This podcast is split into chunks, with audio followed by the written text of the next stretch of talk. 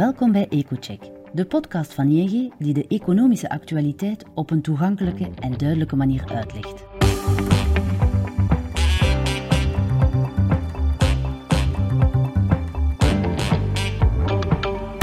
Om de twee weken buigen onze economen zich over de meest besproken gebeurtenis en analyseren zij de economische en financiële gevolgen voor u of uw onderneming.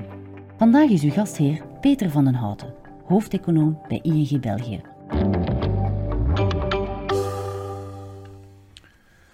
Welkom in een nieuwe aflevering van EcoCheck. In de vorige aflevering van onze podcast bespraken we de kans op een correctie op de Belgische vastgoedmarkt. De podcast is nog altijd beschikbaar. Een van de bedreigende elementen voor de vastgoedmarkt is de hoge rente. En die rente heeft dan weer veel te maken met de te hoge inflatie. Dat brengt ons naadloos bij het onderwerp van vandaag, namelijk de vraag of het inflatieprobleem bijna is opgelost. De jongste inflatiecijfers vielen immers een stuk lager uit, met in België zelfs een negatieve inflatie als we de Europese definitie hanteren. In wat volgt gaan we wat dieper in op de belangrijkste aandrijvers van de Europese en de Belgische inflatie en hoe die in de komende kwartalen zullen evolueren.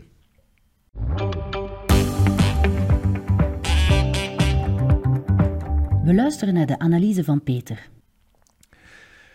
Twee jaar geleden, rond het einde van de pandemie, steeg de Europese inflatie boven de 2% doelstelling van de ECB. Geen probleem, was de, was de heersende opvatting. De centrale bankiers, maar ook de meeste economen uit de privésector, gingen er toen vanuit dat de inflatieopstoot tijdelijk was. Meer nog, de ECB voorspelde voor 2022 een inflatie van 1,7% en voor 2023 een inflatie van amper 1,6%. Die voorspelling bleek nogal optimistisch, want in 2022 bedroeg de gemiddelde inflatie in Europa meer dan 8% en dit jaar zullen we nog altijd dicht tegen de 6% uitkomen. Dus dat is drie tot vier keer zo hoog als initieel werd verwacht. Dat was natuurlijk een gigantische misrekening van de centrale bank. Maar er zijn verzachtende omstandigheden. De moeilijk te voorspellen oorlog in Oekraïne heeft de energieprijzen en vooral de aardgasprijs door het dak gejaagd. Op een bepaald ogenblik lag de aardgasprijs 18 maal hoger dan voor de pandemie. Gezien de elektriciteitsprijzen in Europa nauw samenhangen met de aardgasprijs, was daar ook een fors opwaarts inflatie-effect. Daar kwamen dan nog eens de hogere voedingsprijzen bij, ook al een gevolg van de oorlog in Oekraïne.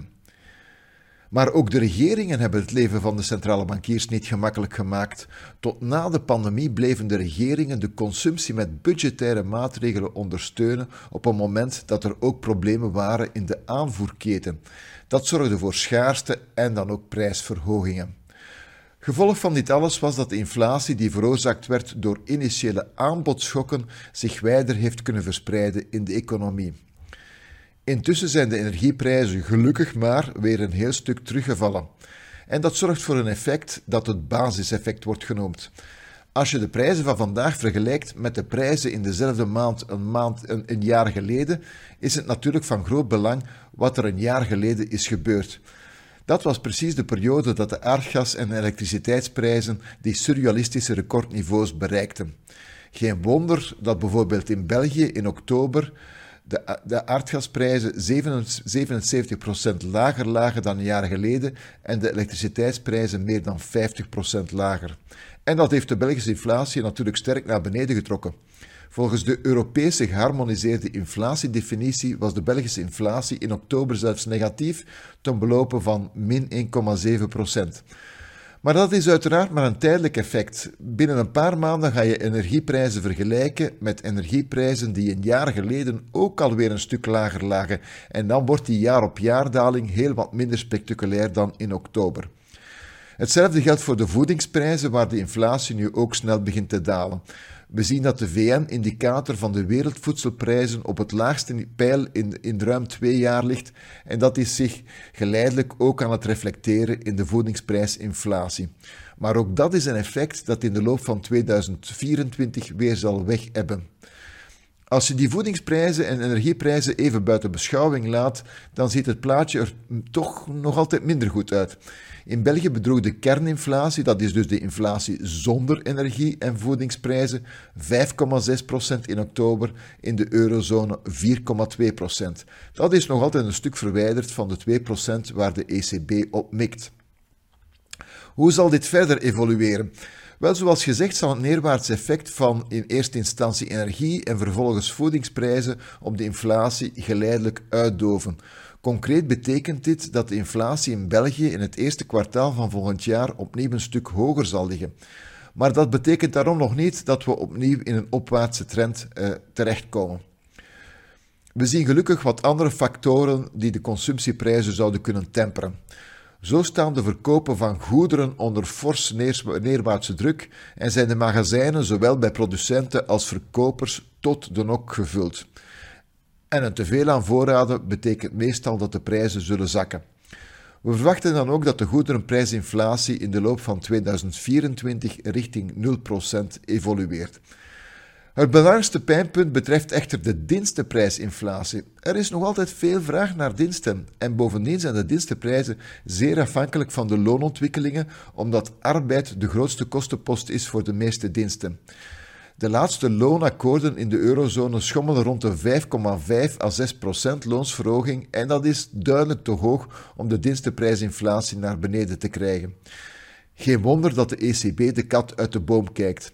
Enerzijds is er wel de sterke groeivertraging die normaal gezien de inflatie zou moeten afremmen, maar anderzijds is de desinflatietrend nog niet overal zichtbaar. ECB-voorzitter Lagarde stelde dan ook dat de ECB eerst een beter zicht moet hebben op de loonakkoorden in de eerste jaarhelft van 2024, alvorens kan besloten worden dat het inflatieprobleem helemaal onder controle is. En laat ons ook niet vergeten dat er nog een aantal factoren zijn die voor onprettige verrassingen zouden kunnen zorgen. Zo is er de onrust in het Midden-Oosten die energieprijzen zou kunnen omhoog duwen, terwijl het weerfenomeen El Niño de voedingsprijzen hoger kan tillen. De strijd tegen inflatie is, dus nog niet helemaal gewonnen. ECB-directielid Isabel Schnabel waarschuwde dan ook in een recente speech dat de bank er zich voor moet hoeden te vroeg de teugels te vieren. In het verleden zijn er immers, verschillende episodes geweest dat de inflatie na een initiële daling opnieuw fors de kop opstak. Daarom denken we dat het nog zeker tot de zomer zal duren alvorens de ECB overgaat tot een verlaging van haar rentetarieven. Dat was het weer voor deze keer. Bedankt om te luisteren en graag tot de volgende keer. Zo, dit is het voor vandaag. Bedankt om te luisteren naar deze aflevering. Aarzel niet om onze EcoCheck podcast te volgen, zodat u geen enkele aflevering hoeft te missen. Wilt u meer weten over economisch en financieel nieuws? Ga dan naar ing.be-mijn-nieuws en ontdek alle analyses van onze econoom.